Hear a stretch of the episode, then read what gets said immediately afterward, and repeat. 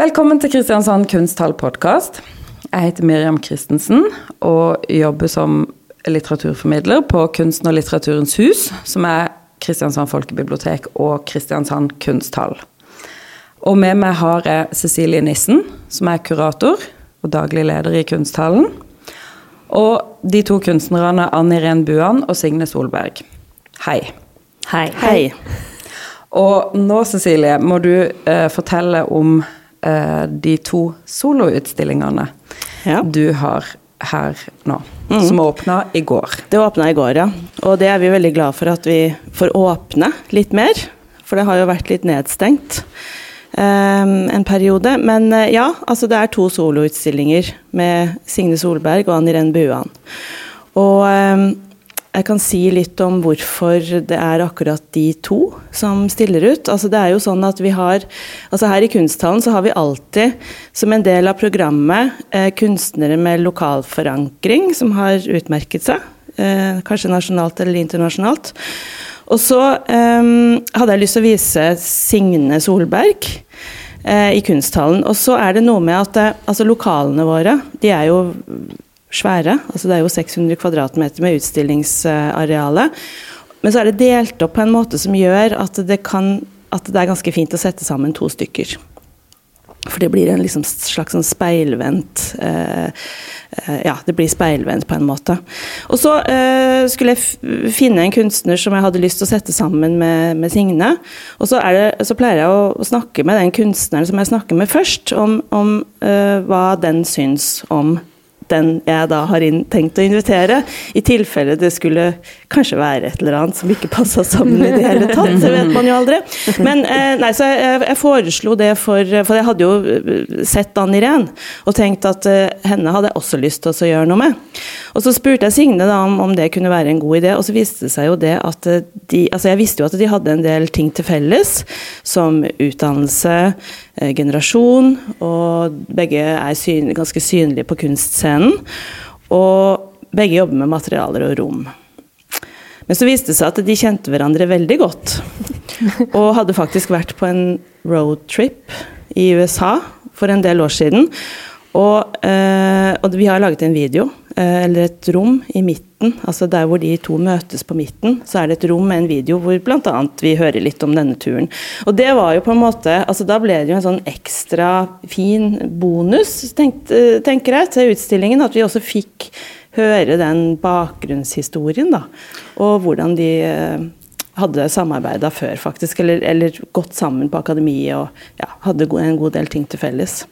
Ja, for det kan vi jo si litt mer om, da. At uh, det rommet som kunsthallen er, og hva det liksom legger til rette for. Mm.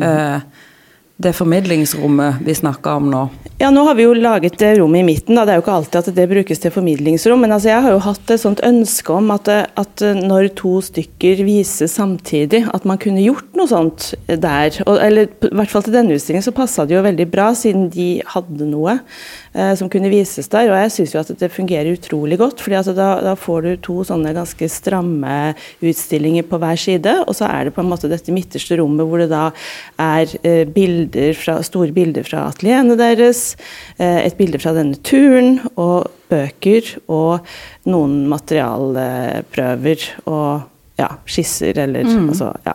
Så, og en film. En utvidelse av en, ja.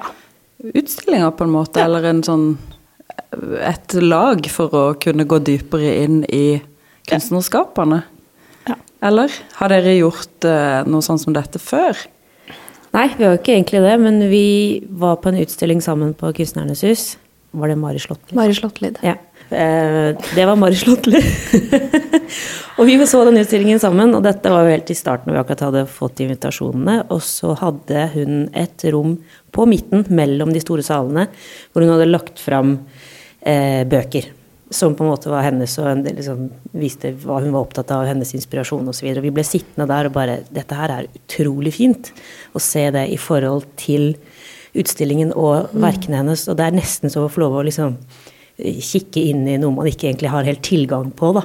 Mm. Eh, hva kunstneren er opptatt av og finner inspirasjon i og sånn. Og så tenkte vi at det hadde vært det kunne vært noe vi kunne brukt i forhold til at vi skulle ha to separate utstillinger, men at vi har så mye mye til felles at vi kunne kanskje møttes f.eks. der, da. Ja, for det ble jo ganske tidlig snakk om hvordan vi kunne møtes på en måte i utstillinga, om det enten skulle være med liksom verk i det rommet, eller om det skulle være noe annet. Så når vi var på den utstillinga og så det, så begynte den ideen å liksom bare vokse. Og snakka om men hva mer kan vi gjøre enn å bare vise, vise bøker, da. Eh, så da kom jo også denne ideen om eh, en samtale med Eivind Hofstad Evjemo, som har gjort det intervjuet med oss i filmen. Eh, sånn at vi kunne gi litt ekstra, fordi det er noe med å gå på ei utstilling, og så ser du den ferdige utstillinga, men du får ikke så mye mer info enn det. og det var jo med den Mari Slottlid-utstillinga å sitte der og se i de bøkene, det ga så utrolig mye. Mm. Så vi, snak, snakka liksom om hva, hva, kan det rommet gi da, til publikum. Uh, og det er jo på en måte for de kunstnerne som har vært der allerede, de går jo bare og graver i de bøkene. ikke sant? Og så er det jo noen andre som da sitter og lytter på hva vi sier og snakker om utstillinga, og som får veldig mye igjen for det. da. Uh, så det er liksom Ja, det med, med å vise litt mer uh, av et kunstnerskap, da. Mm. Og vi var litt sånn at ok, vi kan trekke det hakket lenger kanskje også enn det hun hadde gjort med bare bøker. Hva mer kan vi putte inn? Skal vi ta med, skal vi ta med noen bilder? Skal vi ta med noen modeller? Skal vi ta med materialprøver? Skal vi ta med skisser? Altså egentlig Folk syns sånn veldig ofte er veldig spennende å se i forbindelse med, med en utstilling, eller hvis man skal presentere seg. Da. Mm. Og jeg syns det er kjempespennende å se det hos andre kunstnere òg. Så, mm. så vi fikk ideen der, og så bare pusha vi den hakket lenger. Mm. Nei, det har blitt veldig veldig bra. For det er jo sånn som dere sier, at ofte så er det jo bare en tekst man får utdelt. Ja, eller en biografi eh, eller et Ja, en biografi liksom. eller en mm. tekst. ikke sant? Og det er jo ikke alle som liksom kanskje leser den teksten engang. ikke sant? Eller det er jo ikke alltid at de tekstene kanskje er så bra heller. altså Alltid. altså Noen ganger er det jo det, men det er jo ikke Men, men dette her er jo mye rausere. Eh, se inn bak. Det er litt intimt, nesten. Ja, det er litt intimt, men det er jo det som er litt fint. Og jeg så jo også det på åpningen i går, at du, altså folk sitter jo der. Og jeg sitter jo der sjøl. Altså ja, og hører på det dere sier, og, og, alle de bøkene er jo, det er jo kjempeinteressant. Og det er jo noe vi, vi har jobba med også før her. At vi, eh, at vi ber kunstnerne om å, å, ta med et utvalg bøker som de har vært inspirert av. Og så eh, kjøper vi gjerne det inn til biblioteket også, hvis ikke vi har de fra før. Mm. Så det er jo sånn, et samarbeid som, eh, som, vi har med, med Folkebiblioteket. At de bygger opp bibliotek, kunstbiblioteket rundt de bøkene som, som, kunstnerne har vært inspirert av. Så er det jo ikke alltid vi får tak i de, da. Det er jo litt sånn som deres bøker, ikke sant. Altså Der er det jo bøker som ikke man får tak i lenger. Ja, og det er jo bøker som vi har hatt helt fra vi begynte å studere, ikke sant. Så det er jo Ja. De, og de her bøkene som vi har med, går jo langt tilbake i tid. Ja. Det er jo, ja. Og veldig ofte så ser vi jo at uh, kunstnere velger ut ja, alt fra skjønnlitteratur til sakprosa til bøker om andre kunstnere og kunstnerskap.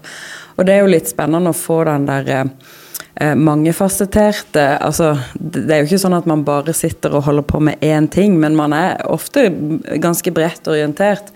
Og det kan jo være fint for en som ikke er holdt jeg på å si, et, en vanlig publikum som kanskje ikke har høy kompetanse på mm. samtidskunst og kommer inn i rommet og kjenner på sånn Oi, dette forstår jeg kanskje ikke, eller hva er dette? Og sånn. Og så for, blir man da møtt med eh, et sånn bakteppe, ja. som er veldig fint. For det, alt kommer jo bare fra noe. Ja, så er det også det at det fungerer ja. på på mange nivåer. ikke sant? Altså for, mm. du sier, altså for publikum som kanskje ikke har så god kjennskap, men så er det også da, sånn som du nevnte med kunstnerne, ikke sant? som kaster seg over disse bøkene med en gang. ikke sant? Sånn at det er på en måte noe som, som er veldig raust for mange. Og det, det syns jeg eh, fungerer veldig bra. Og det er kanskje en form for også ufarliggjøring ja. eh, av å gå inn i det, da. Og, og som du sier, liksom, det Altså, jeg har med noen skjønnlitterærbøker, og det er det er ofte ikke vanskeligere enn det, på en måte, mm. der man finner inspirasjon eller det man jobber ut ifra.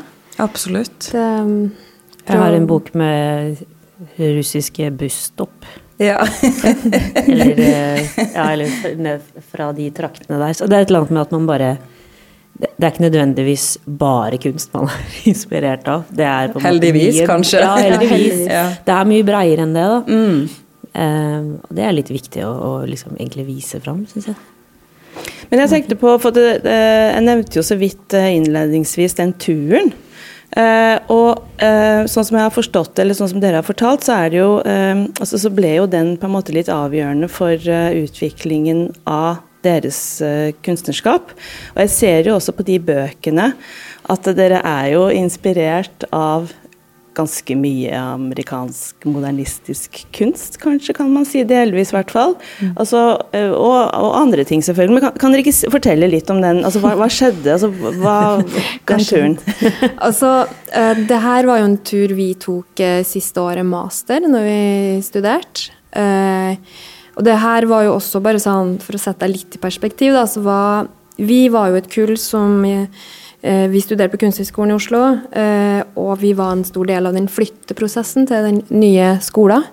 Eh, Så vårt siste år på master var da første året på den nye skolen. Og vi var i utgangspunktet begge to ganske lei av å være i en institusjon, og da flytte inn i en ny institusjon hvor vi følte at kanskje ikke så mye fungerte ennå, resulterte i at ok, men vi må stikke herfra. Eh, vi, eh, nå, nå må vi gjøre noe annet. Vi må ut herfra. Um, Alt var litt sånn Vi var flyttekullet. Alt var kaos, vi var midt i en masteroppgave. Hadde ingen steder å være. Det var veldig sånn Alt ble bare som røska rundt. Så da var det liksom bare Impulsen da var å stikke. ja, og så var det da noe med altså USA er jo en klisjé. Det er jo en klisjé å dra på roadtrip til USA, men, men det er en grunn til at det er en klisjé. Ja, ja, er- Um, og for oss så var det jo også da som, i hvert fall på det tidspunktet, var veldig inspirert av amerikansk kunst. da, Å dra dit og se alt det du så, så i bøkene. Altså se de her store skulpturene, eller um, ja, whatever, liksom. Det, uh, det ble liksom avgjørende nesten for å, for å utvikle seg videre. Eh, men ikke bare kunsten, men også naturen. Ja, det vil, si nesten ble en sånn slags 50-50 der, altså. For vi hadde lagt opp en løype som på en måte gikk innom alle disse kjempesvære særverdighetene som man har hørt om, men ikke har sett. da. Vi starta helt øverst. Vi starta i Oregon, faktisk. For der eh, skulle han rent besøke sin gamle high school. Jeg bodde, bodd, bodd der et år på videregående. Aha. Så vi Eh, starta der, ja. langt oppe i, Dalom der, og så kjørte vi hele kysten nedover. Altså først i San Francisco, så var vi der en stund. Så alt vi klarte å se der. Vi var i. Redwood-skogen før San Francisco. Ja, den er på veien, den. Mm. Ja. Så det var liksom en blanding av stor kunst og store trær, da. Eller stor natur, om du vil. Store trær. Ja, Bokstavelig talt. Vi kjørte gjennom et tre. Vi betalte fem dollar for det. Vi Ja. kjørte gjennom et tre. Yes. Det kan man nå gjøre. Så vi, altså vi fikk jo med oss helt usannsynlig mye på egentlig så relativt kort tid. da. Seks uker var vi borte. Hvor gamle var dere da? Tidlig 20-årene. Ja. 20-åra. Ganske naiv. Akkurat passe naive. Det er, da, det er da alt bare går rett inn, liksom. Ja, ja. Ja. Uten Og så blir det der resten av livet. Ja, ja, men det er litt sånn, altså. Så etter San Francisco, en periode der, så var det hele kysten. Og vi stoppa vel på hver eneste lille sånn der eh, utsiktspoint og så på havet og tok bilder, liksom. Eh, hele veien ned til LA. LA, ja. Så var vi der en periode. Og så var det innover. Inn mot eh, Nevada-ørkenen. Så da, ja. på vei inn dit, så stoppa vi Las Vegas. eh, fordi vi måtte ha en plass å sove. Why not Las Vegas? Eh, og så videre inn i Nevada-ørkenen og til Death Valley. Mm. Eh, og så fra Death Valley igjen til Phoenix, og så avslutta vi med to uker i New York. Ja, glemte Grand Canyon. Grand Canyon. Ja. Altså Grand Canyon. det, det var, si, var med på siste stopp på, um, på vestkysten, var Ja, ja. Grand Canyon. Jeg tror vi telte hvor mange mil vi kjørte. Det var ganske langt, altså. Og vi kjørte på kartbok. Ja. Ingen GPS, folkens. Nei, det var før GPS, er, eh, kanskje. Ja. eh, profesjonell kartleser. Så det var helt det Hvilket år rått, var det? altså. 2010. Ja. Og vi kjørte på kartbok hele ja. veien. Det er jo et skup, Cecilie, at du har klart å bringe disse to sammen uten å vite at dette, var, dette lå i bunnen, da. Jeg visste ikke om den turen, men jeg, men jeg så jo dere lagde jo en blogg også, som jeg fikk se hjemme hos Signe. Og den eksisterer fortsatt. Ja. For det var egentlig måten vi på en måte holdt unna for mye mas hjemmefra. Det var egentlig å lage den bloggen og oppdatere den ganske sånn jevnlig. Eh, men altså det er Og i mangel av sosiale medier. ikke Ja, det også, det, altså, det var Det jo ingenting eh, Herregud, det var før sosiale medier. Ja, det var Facebook var vel, Ja. men, men vi Men det var ikke sånn i bruk, kanskje? Nei, Nei, så vi konsentrerte oss om blog bloggen, liksom. Ja. Og da bare ja, slapp vi så mye spørsmål. Og det er så fin, den bloggen, for jeg har gått inn sånn i årene etter, sånn ti år senere, så kan jeg gå inn og bare bla gjennom og mimre litt, liksom. Så det er jo en slags, eh, et slags eh, minnebok. Men det ble jo en form for dannelsesreise. En moderne dannelsesreise, egentlig. Um, det var, det var, jeg tror det var noe med å også dra dit og kjenne på den friheten. Ja. Av å ikke være på i skole. Og Og at ikke livet sentrerte seg rundt Oslo, og Ja. hva våre muligheter og liksom perspektiver var. Da. Det var et eller annet med å få åpna opp det. fordi i den der institusjonsbobla liksom, som det blir, da, i hvert fall etter liksom nærmer seg fem år, så føler man nesten at ikke det fins noe annet utafor den bobla, på en måte. Altså, man blir liksom så satt inni der, da. Og tenker at det er liksom eh, Man får litt sånn tunnelsyn, tror jeg. Så, så eh, det fikk vi jo liksom bare kasta fra oss og åpna helt sånn panorama. Men var det noen kunstnere dere ble oppmerksom på, eller noe som forandra måten dere jobba på, eller Altså, jeg fikk jo en veldig sånn direkte endring, skulle jeg si. fordi før jeg dro dit, så jobba jeg jo nærmest bare figurativt med tegning. Eh, og jeg hadde liksom en lang periode før vi dro dit, hadde en sånn stor frustrasjon i at jeg ikke helt liksom klarte å ta ting videre. Eller eh, at jeg, jeg satt fast. Eh, og så utvikla jeg også senebetennelse fordi på grunn av måten jeg tegna på. Så da ble den der turen til USA da, da å bare liksom se så mye som mulig. Altså Vi så alt vi kunne av kunst og natur. Vi hadde ikke tid til noe annet. Um, og da kom jeg tilbake, og så begynte jeg å jobbe skulpturelt Ja. med tegning. Og fri, jeg liksom frigjorde meg fra det liksom Det jeg gjorde fra før, da. Eh, fra det figurative, fra det mer todimensjonale, og gikk mer ut i rommet. Ja. Eh, Så jeg fikk en veldig mm, så Sånn sett har den hatt Selv om jeg nok var på vei dit, men så ble det et eller annet med den turen som gjorde at det ble lettere å gå dit. Ja, for man får, kan få, altså, særlig sånn som de tegningene dine som, eh, som du har hatt tidligere, som står på gulvet ute i rommet. altså At man får litt sånn assosiasjoner til en del ja, Richard Sarah eller eh, Ja, absolutt. Og, altså, Robert Morris har jo vært en av Morris mine også, ja. store Ja. Uh, helter ganske tidlig. da. Også i forhold til den antiform-teksten som han skrev, og den uh, i forhold til skulptur. Mm. Um, og det fikk jo se en del av de eh, filtskulpturene hans der, og selvfølgelig også Richard Serra, Eva Hesse. Så det var jo mange av dem her du bare leser om, som du ikke har sjanse til å hvert fall se i Norge. Eh, eller det var en liten Serra. Jo da. En bitte liten en på bitte liten en. bankplassen. Dere har liksom full oversikt. Ja, men vet du, den er jo bare en liten flis i forhold til det vi fikk se der borte. Så ja. Og den er jo ikke så liten. Nei, egentlig ikke. Men du da, eh, Signe? Var det, var det noe spesielt som skjedde som har hatt sånn direkte innvirkning på Jeg er ikke helt sikker. For, eh, kanskje ikke på var ikke, Det var ikke sånn at jeg endra noe sånn veldig sånn radikalt, tror jeg. Et sånt som ble litt forandret igjen. Men eh, for meg så handler, har det på en måte alltid handla om størrelse. Det handla veldig mye om størrelse. Og jeg fikk jo på en måte bare bekrefta alle våte drømmer når jeg kom dit. da. Ehm, og egentlig så fikk se disse her vanvittige svære verkene som jeg på en måte har bare sett på bilder. Det er jo et eller annet med at du kan jo ikke, du kan jo ikke liksom beskrive den følelsen av å se det live kontra en bok. Så det var jo på en måte Jeg fikk jo en litt mer sånn derre sky's the limit-greie da jeg kom hjem. Ja. Så det bare det bare fortsatte utover. Men jeg tror det også noe vi begge fikk, var litt sånn der sky's the limit. Ja. Altså, nå kjører vi på. Ja, for det var et eller annet å bare se liksom bare Shit, det er sånn verden funker her. Og det var jo kommersielle gallerier overalt. Det var jo ikke vant til hjemmefra i det hele tatt. Så det var liksom der man er vant til å si én eller to skulpturer, så var det 50, liksom. Bare sånn fordi at her skal det selges i tillegg.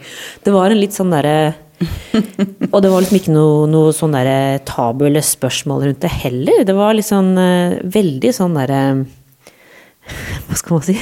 Fælt å si no shame, altså, men det var litt sånn Jo, men det er kanskje riktig, da. Ja, at det var på en måte Du fikk en sånn Jeg fikk i hvert fall en veldig sånn derre Shit, ass, nå drar jeg hjem og bare gjør akkurat det jeg vil, på en måte. Fordi det var liksom så Ja. Frihet igjen, da. Men det er veldig interessant å snakke om det her nå ti år etterpå. Ja. Eh, for jeg tror først, kanskje nå i det siste med denne utstillinga, det kom opp igjen at jeg begynte å reflektere mer over Ja, det. ikke sant? Eh, hva var det egentlig som skjedde der? Ja.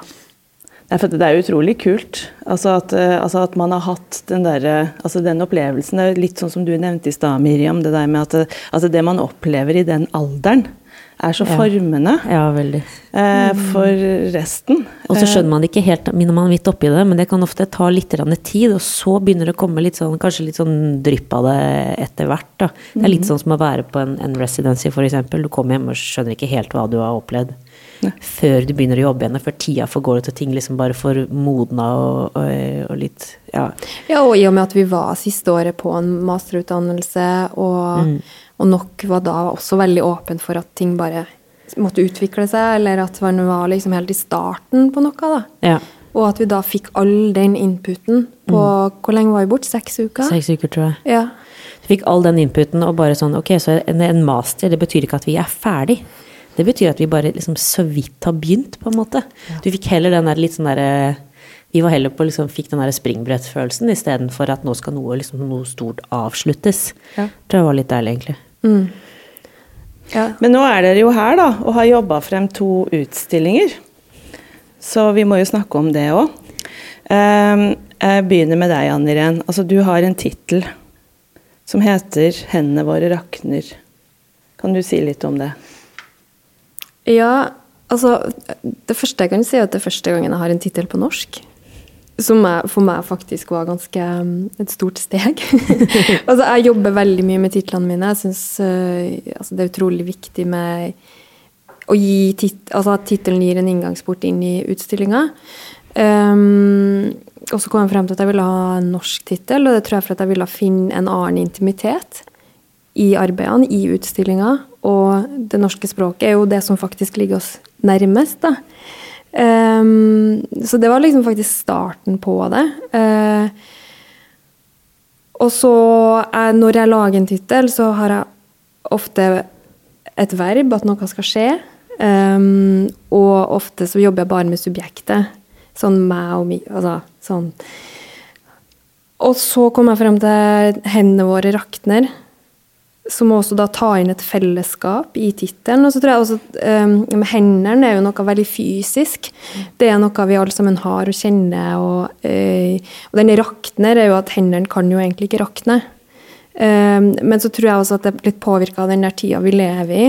Det med å kjenne at bare noe rakner mellom fingrene på oss, at det bare liksom faller fra hverandre. Uh, så jeg tror det var en sånn at jeg var ute etter en sånn følelse av um, Ja, hva skal man si? Følelse, følelse av å ikke ha kontroll, da. Rett og slett. Eh, og det er jo også litt sånn med arbeidene mine at eh, at jeg jobber veldig mye ut ifra forfall og kollaps, og at eh, ting er på vei til å forsvinne. Uh, og Derfor tenkte jeg at den tittelen med 'Hendene våre rakner', og at det også det fellesskapet i det. Den derre følelsen. Så at det er både en sånn mental følelse i det, men også en fysisk handling. Og du har jo en tittel som er 'Dryscape Bodies'-tingene. Det er jo også ganske fysisk. Eh, ja, det, det er jo det. Eh, for meg så handler det jo selvfølgelig om hendene som Altså synligheten av meg i verket. Det har det egentlig alltid gjort, men nå har jeg valgt et nytt materiale hvor det har vært ganske vanskelig. Fordi, fordi de synes egentlig ikke lenger. Um, fordi jeg er vant til å jobbe med metall og veldig sånn rett på og ganske, hva skal vi kalle det, litt brutalt i det egentlig. Eh, og jobber mye med overflater som blir påvirka av meg og av vær og eh, altså alt av sånn ytre ytre påvirkning, da, sånn at du på en måte ser at det er noe som har skjedd, gjerne enten om det er handling eller om det er noe over tid osv. Um, og så har jeg jo gjort det veldig mye, så for meg så har dette vært en litt sånn Det har vært en litt reaksjon på at jeg trengte å utforske noe annet, egentlig. Og en separatutstilling og et sånt rom som dette tenkte jeg liksom Nå har jeg muligheten til å eksperimentere og prøve noe som jeg egentlig er ganske sånn usafe for meg, da. Eh, både fordi jeg følte behov for det, eh, og fordi jeg tenkte at eh, det er en ja, blanding av behov og mulighet da, til å gjøre det. Så, eh, så jeg valgte et materiale som det er eh, det er, eh, det er liksom bare det det er. Det er glassmosaikk og fliser. Det er materiale med veldig klare referanser, eller ganske sånn sterke referanser. Og jeg måtte inn i en sånn derre Hvordan kan jeg liksom manipulere dette da, på en eller annen måte? Jeg har bare hatt en veldig fascinasjon av det. I forhold til ting jeg har sett når jeg har vært ute og reist. I forhold til mye sånn type ja, landskapsarkitektur fra 60-tallet som jeg bare syns er så sinnssykt fett. Men jeg har ikke egentlig noe voldsom sånn definisjon på det. Men, men jeg syns det var litt deilig bare å være litt sånn helt sånn åpen på det. Mm. Eh, og få lov til å leke med et materiale uten å måtte definere for mye. Um, Fordi at ja. Du har jo også begynt å jobbe med farge. altså Du har jo vanligvis jobba med metall eller med ja. altså metall som da kanskje har rusta, eller altså som blir påvirket av naturen på en eller annen måte. Da. Men her ja. er det jo pastellfarger. Ja, og det er ganske rart, egentlig. og vann, er det ikke også vann, jo, det er vann oppi også. skulpturene? Ja. ja. Så det er en veldig sånn klar referanse til landskap og landskapsarkitektur. Eh, mer det manipulerte, ikke det naturlige. Mm. Systemer og gridder og uh, veier og hvordan man liksom hvordan mennesket former landskap rundt seg. Da. Altså sånn, jeg hadde en residence i Paris og gikk rundt i disse overdådige hagene f.eks. Og syns det er veldig interessant hvordan vi prøver å systematisere og liksom manipulere landskapet rundt oss. Da. Om det er en sånn derre måte for å få en slags kontroll, eller eh, Jeg tror det er mer enn at man bare ønsker å ha det pent rundt seg, på en måte. Så, mm, og det er litt sånn også med størrelse, hvis vi er sånn tilbake til noen av disse kjempeprosjektene til Sarah eller, eh, eller eh, Michael Heiser som gjør disse psycho-greiene ute i ørkenen, og sånn type ting, da. Det er jo liksom Jeg kommer liksom ikke i mål før jeg har den ørkenflekken. og får gjort det såpass at vi er Så du har egentlig ja. lyst til å lage en svær uh, hage en gang? En park? Ja, en park. Jeg tror jeg er litt der, altså. ja. og, um, nå bor jeg på landet, så jeg, jo, altså jeg har jo kanskje muligheten til å kjøpe ekstra jorde. Fordi Altså, det, det, det er en sånn derre det er alltid noe å strekke seg mot, da, i det minste. Men, men jeg, jeg syns at det der med det manipulerte landskapet, og der, der eh, skulptur på en måte blir som blanda inn der, da, så du på en måte mister din egen, eh, din egen oppfatning av størrelse. Og blir egentlig ganske ubetydelig. Det er noe som, eh, som jeg syns er utrolig spennende. Så jeg alltid egentlig jeg, jeg, merker at jeg prøver å finne det fram. Men det blir jo aldri stort nok. Mm. det er godt jeg har mye tid igjen. Nei, for Dere jobber jo ganske monumentalt begge to. Eh, Anne Irén, mm. du har jo eh, din utstilling her altså Du har jo ofte jobba med disse store papirskulpturene som har stått på gulvet. Men eh, det har vi ikke her. Her er det veggarbeider, store papirarbeider på vegg, og så er det de skulpturene som henger fra taket, som er laget av eh, gips og kjetting, eller du kan jo mm. fortelle om det mm. selv. Ja, og eh, det kommer jo også som en reaksjon på rommet. Eh, det er jo ofte sånn mine utstillinger starter, er jo den reaksjonen jeg har når jeg går inn i et rom, og hvordan jeg kan skape en dialog i rommet. Um, og, og, det er jo veldig interessant med uh, rom, altså utstillingsrommet her på Kristiansand kunsthall. Um, i, i, og med altså både den størrelsen, men også hvor stor rolle jeg føler at taket spiller her. Eh, med lyset og Altså, det er utrolig flott tak. Eh, og det er høyt. Eh, så det var noe jeg ganske tidlig fant ut at det her vil jeg jobbe med. Eh, så det var mer at jeg liksom strakk meg opp mot taket, enn at jeg jobba med de skulpturene som sto plassert på, på gulvet. Eh, og så i stedet for å de, altså den store installasjonen med skulpturer jeg, vet, jeg tror det type er kanskje 50 skulpturer som henger fra taket, kanskje. Ja, det er det, vi er på det tallet. Så fra å tidligere ha jobba kanskje med enkeltstående skulpturer, én eller to store, så har jeg jobba her med en mengde i stedet, som jeg syns har vært mer interessant den siste tida. da. Hva er også en mengde? Det er en stor produksjon i det. Eh, hva, hva betyr en mengde i stedet for, for en enkeltstående? Um, så det er jo noe jeg har jobba med, og så har jeg jo de her vegghengte tegningene. Eh, som jeg har jobba en stund med, men igjen da tatt dem videre, videre her. hvordan jeg har med det. Så det er veldig fint med også da den motsetninga mellom de her skulpturene som kommer ned fra taket, eh, og så har du de vegghengte skulpturene som kommer litt ut fra veggen igjen. Um, du har også flere farger i denne utstillingen kanskje enn du pleier å ha? Ja, altså jeg jobber jo veldig bevisst med farge. Det har jeg jo alltid, alltid gjort. Um, og ofte jobba med én farge over lang tid for å bli kjent med den. Men til denne utstillinga så har jeg jo for første gang jobba med veldig mange farger i samme rom. Ja. Um, Har dere, har, har dere blitt påvirket av hverandre? Altså nå Nei. mot, Underveis, dere har ikke snakka med hverandre eller møttes eller eh, Nei? nei. Nei? Jeg har visst at hun har tegna, og jeg har visst at hun har støpt lange skulpturer. Ja, og jeg visste at du har jobba med mosaikk. Men det, Så- det er jo litt sånn fascinerende, da, for det, Kunsthallens eh, utstillingslokale er lagt opp sånn at man først kommer inn i en stor avdeling, og så er det den kuben i midten som nå er formidlingsrom, og så er det et nytt. Eh, Og så kommer man først inn til Signe sine eh, skulpturer som da kun er på gulv. og så er det et varmt og hyggelig formidlingsrom, og så kommer man plutselig inn hvor taket er tatt i bruk. da, Så det er liksom helt sånn diametralt motsatt. Jeg tenkte det nesten var litt flaks. Ja, det var litt flaks. Ja, fordi det, det er faktisk ingenting vi har snakka om. Eh, Det, vi har vært veldig sånn, Når vi har jobba med utstillingene, så har ikke vi tenkt sånn Du skal jobbe på gulvet, jeg skal jobbe sånn. Eller Nei, vi har jobba helt sånn fristilt fra, fra hverandre. Eh, så det er egentlig rett og slett ganske tilfeldig hvordan vi ville ha brukt rommene. Eh, Jeg, altså for min del så ville det vært, eh, som Line skriver i teksten, primærimpuls. Det synes jeg er et veldig fint ord, egentlig. Eh, å begynne å bygge oppover, og prøve å fylle volumet i det rommet. Eh, så igjen det med å, å prøve å pushe seg litt i en annen retning, så var det det Kan jeg klare å holde meg nede? det er faktisk ganske utfordrende for meg. Det har du klart så vidt. Så vidt. Det kom noen sånne som stakk opp litt, grann, bare for å prøve en slags, eh, få en slags dynamikk i det. Men, men sånn sett så syns jeg også det funka at det var egentlig litt sånn random, men at det funka veldig bra. At jeg Ja. holdt meg nede. Fordi det, du får jo en sånn derre Du får heller ikke to stykker som prøver å, å, å utfordre hverandre i måten rommene tas på. De blir tatt på veldig forskjellige måter, men at det blir mer Nei.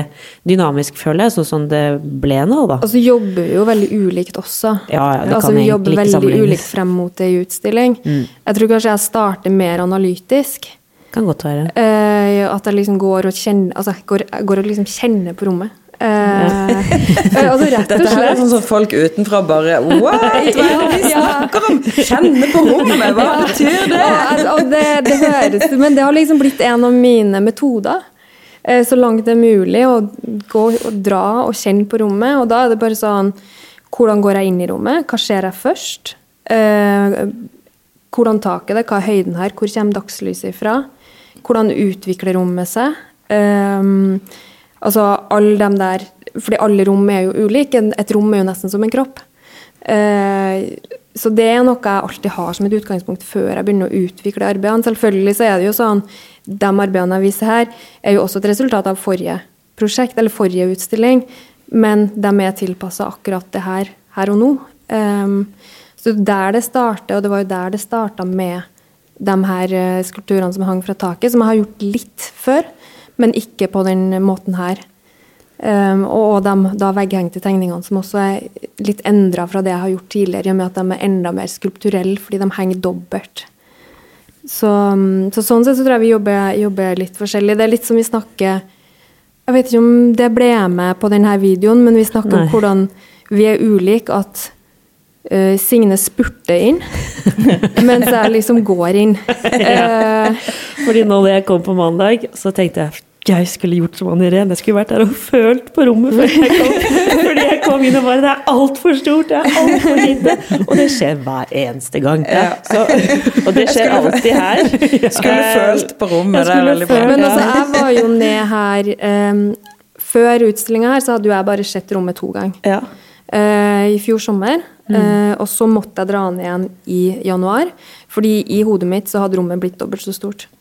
Eh, Ja.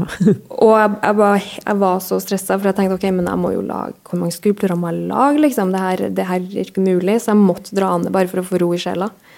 Eh, Men det er jo, altså dette er jo Ja, altså vi har jo jobba med disse rommene mange ganger, og det er jo noe som ofte skjer, da. At man forestiller seg Altså det er svære rom, men så er det liksom det der med at når det begynner å komme opp ting, da, så skjer det noe med en gang.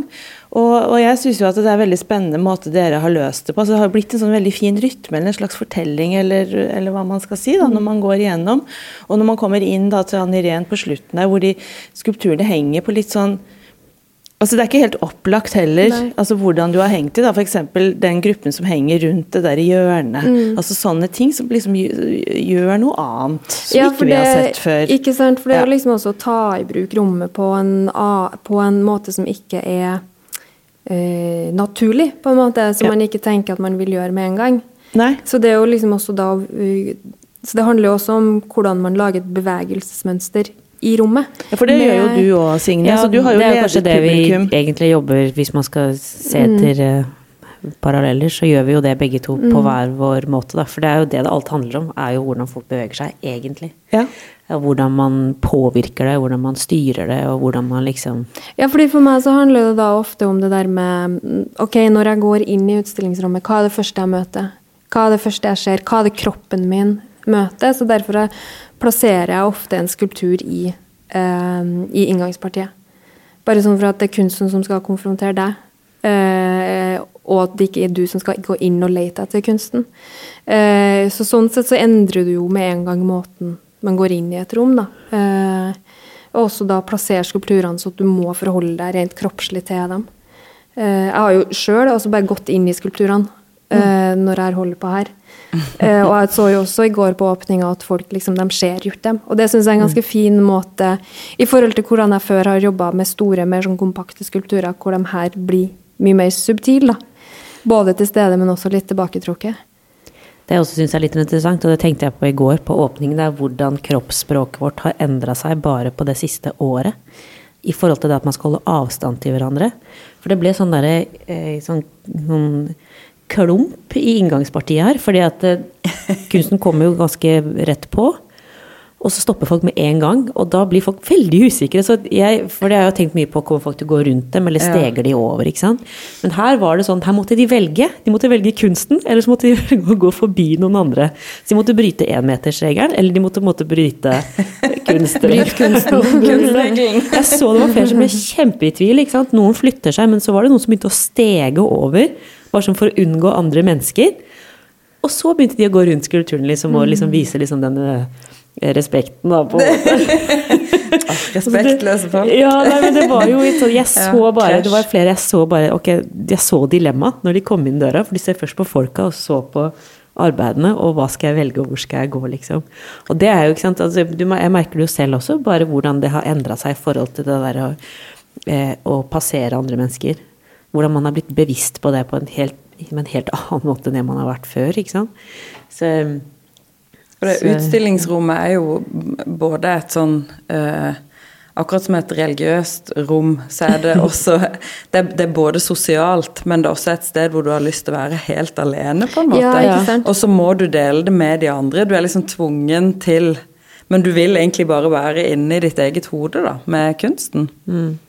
Det er jo litt eh, Men så er det også det at folk var også veldig sultefòra på å komme seg ut. ikke sant? Ja. Å være ute og se kunst og treffe andre. Så, så noen stimla jo sammen, og andre gjorde det. Altså det var jo en veldig sånn Men det tenkte jeg litt på. Eh, altså, skulptur, det er liksom ikke noe som eh, gjør seg så godt på å gjengi Altså, du har liksom ikke sånn Nå skal jeg vise utstillinga mi på et sånn Zoom-møte. Eller eh, en digital fremvisning av skulptur. Det er på en måte ikke mulig, da. Så, ja, det er i hvert fall vanskelig. Ja, det, det, er vanskelig. Jeg tenker nå, Hvis vi skal snakke om den tida vi er i akkurat nå, hvor alle sitter liksom med nesa oppi en sånn datamaskin ja. absolutt hele tida, så er jo egentlig det dere holder på med, det stikk motsatte. Og gir liksom konnotasjoner til det, til det helt Å dra det i helt motsatt retning, nemlig naturen og hvordan stå ute i naturen og bli overvelda av den store verden, mm. liksom. Og hvordan man prøver å gjenskape det, da, i, i, i det man jobber med, i mm. kunsten. Folk har jo tatt i bruk liksom, naturen i Norge på en helt annen måte nå også, egentlig, siste, siste året. Fordi det er liksom det rommet man, mm. man kan være for seg selv. Eller i hvert fall mm. kan ja, nei, jeg vet ikke. Det Men det er kanskje det som også har vært vanskelig med nettopp kunst da, i denne tida, er at man ikke kan gå og se den. Mm. Og det må jeg jo si, at altså, det å se noe på Instagram altså, altså, herregud, gå og opplev kunsten i stedet. Ja. Når det er mulig. Ja. Eh, fordi det er noe helt annet. Så det, og det er jo selvfølgelig vanskelig når man jobber så spesifikt med skulptur og kropp, da. Eh, fordi det er en så I arbeidene mine, i hvert fall, den der, der at du skal Altså noe av det jeg vil, er jo at kroppen din skal kjenne på det du, du møter, på en måte. Den der kroppslige reaksjonen.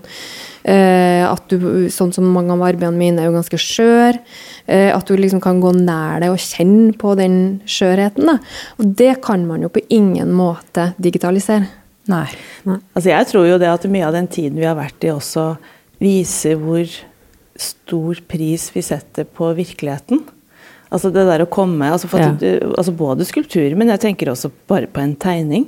Eller altså noe som er lagd, altså hvor du ser den taktiliteten. altså Du på en måte ser helt andre lag mm. enn når du sitter og ser det på, på Instagram f.eks. Mm. Så det hører jeg jo flere si at eh, det der endelig å kunne få lov til å komme tilbake igjen i altså Nå har jo vi egentlig hatt åpent hele tiden, vi er gjennom mm. altså stort sett hele året, men, men, i og med at det har vært så, så nedstengt over eh, altså Ellers så har ikke folk helt turt å komme, ikke sant? Sånn at, eh, så, men, men, nå, da, altså når vi åpnet i går, og var, samfunnet var åpnet litt mer, så var det veldig mange som ga uttrykk for det. da, at Hvor deilig det var å være tilbake og oppleve kunsten på ordentlig. og tenker det, det må nesten føles sterkere også. Altså, ja. du, får en, du, får en, sterk liksom, kroppslig effekt av å vi, se det etter at det har vært uh, fratatt deg over, uh, over, lang tid, liksom. Og da tror jeg også folk kanskje blir litt mer oppmerksom på hvor viktig kunsten er, altså. Eller hvor viktig kulturen er. Ja, kulturen. Eh, når den på en måte er blitt eh, tatt fra oss på en, på en lang, lang periode. Ikke bare kunst, men musikk, teater, alt, liksom. Mm. Så sånn sett så føler jeg at det har vært veldig lett for dem å bare stenge Kultur-Norge. Det har vært en enkel ting å gjøre. Ja, nei, det... Vi stenger kulturen, fordi da har vi løst det. Og så, så en sånn poll på nrk.no hvor de hadde spurt om folk hva de gleda seg mest til etter at pandemien var over. Så var det illustrert veldig sånne bobler. Det som folk svarte mest, det var den største, ikke sant. Og bestemor og sydentur og alt mulig. Det var ute i periferien et sted. De to største boblene, det var klemme, og så var det konserter og opple altså kulturopplevelser. Ja, ja, ja. Og da bare Ser dere nå hvor viktig dette er for dere alle sammen, liksom? Mm. altså det, og det er jo én ting, altså hvis man også da drar det ned til bare kunsten, da, det kunstrommet, ikke sant. Mm. Det er jo ikke så mange som går og ser utstillinger på hverdagene. Så hvorfor kan ikke vi ha det rommet åpent? Mm. Mm. Sånn at man i hvert fall får opplevd noe. Eller bare sitte igjen på liksom. Zoom, og mm. uh, at man i hvert fall kan få lov til det. Så akkurat det, det at man har stengt ned gallerirommene og museene, det, det, er jeg ganske kritisk eh, til. Fordi det er ikke der Du kan, du kan være på Ikea, og det er lov med 700 mennesker. Mm. Men et galleri som du kanskje har 10-20 besøkende på en hel dag, da, Nei, det er der smitten er, vet du. Ja. Det er galleriene. Det, ligger, det er i kunsten, det. Det er, derfor jeg mener at det er, det er for enkelt. Det er Altså, det er Men- Og så og så er det feil, på en måte. Men det er jo det som har vært så utrolig deilig med å komme hit. Jeg bor jo i Oslo, eh, så det å komme hit til Kristiansand var jo som en sånn frihets... eh, Det var jo som en, en ferie, liksom, føltes det ut som. Og, og da å komme Kanskje vi må kutte dette fra podkasten? Nei da. men, men, eh, men bare det å få lov til å åpne utstillinga Ja. har vært utrolig deilig, selv om det kanskje ikke har vært like mange på åpning, selv om det er helt sikkert ikke like mange som kommer til å se utstillinga. Men bare det å få lov til å åpne noe du har jobba med så lenge, Ja. og faktisk få lov til å realisere det og vite at det står åpent, i stedet for som veldig mange utstillingssteder gjør nå i Oslo, at man bare har det digitalt. Du mister jo så mye. Selv om jeg forstår at det er den eneste løsninga man har, så har det vært så deilig å få lov til å gjøre det her. Og vi snakka om det på forhånd, at vi må bare godta det faktum at vi kan risikere at det ikke går. Vi kan Ja. risikere at noe skjer, at ikke vi får montert, eller at ikke vi får åpna, eller noen ting sånn. Så vi er jo megaglade bare for det, altså. Fordi det er masse å si for oss også, selvfølgelig. At vi får vist det. Ja. Og vite at folk kan få lov til å gå nærme, de kan gå bort og se, de kan Noen kommer sikkert til å Jeg så noen gikk og sparka litt i mine i går. Jeg så også at folk gikk og tok på. Ja. Men det er sånn folk gjør, og nå tenker jeg at nå skal dere få lov til det, altså. Så fint, da. og denne utstillinga med Anne Irén Buan og Signe Solberg, uh, Cecilie, den står til 6. juni, stemmer det? Det stemmer. Åpent uh, hver dag. Ja, det er Nesten. åpent hver dag unntatt mandag. Fra tolv til fire. Så da håper vi at mange kommer og, og ser i ukene fremover. Det er gode rom til å holde gode reglene også. Ja. Det er det. Altså, det er jo kjempeenkelt Å Veldig holde lett å avstand. å holde avstand. Ja. God reklame Så vi reklamerer litt for dette her, altså. Drit i å gå på Kid Interiør, dra hit i stedet. Veldig bra. Da kan vi bare si velkommen. Ja. Ja. Ja.